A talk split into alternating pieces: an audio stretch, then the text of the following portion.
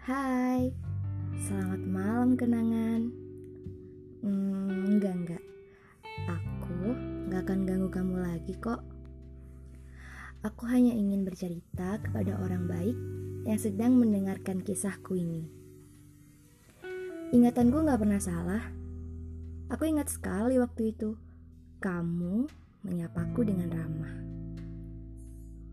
Memang sih, gak terlalu lama kamu kasih senyuman itu untukku. Tapi sudah cukup membuat aku penasaran akan sosokmu. Mengenalmu sebenarnya aku gak mau tapi nggak tahu kenapa, membayangkanmu membuatku susah sekali untuk tidur. Aku bahkan gak tahu kapan rasa ini tumbuh. Yang aku tahu, ini hanyalah rasa yang disebut pungguk berindukan bulan. Iya, aku menyebutmu sebagai ketidakmungkinan yang selalu aku semogakan. Tapi aku tentu gak pernah lelah karena cinta selalu menemukan jalannya untuk kembali. Cinta juga yang membuatku berdiri sampai saat ini. Akan kuberitahu sebuah rahasia. Aku pernah menunggumu dan mengejarmu hanya agar bisa bertemu denganmu. Agak memalukan sih, tapi aku ingat kata dosenku bahwa ada dua macam orang di dunia ini yang tidak bisa diatur, yaitu mahasiswa dan orang yang sedang jatuh cinta. Dan aku, aku adalah mahasiswa yang sedang jatuh cinta. Um, maaf ya, mungkin caraku salah dalam mengutarakan rasa, dan aku juga minta maaf karena aku gak akan pernah bisa jadi dia. Iya, aku tahu meminta maaf itu sulit.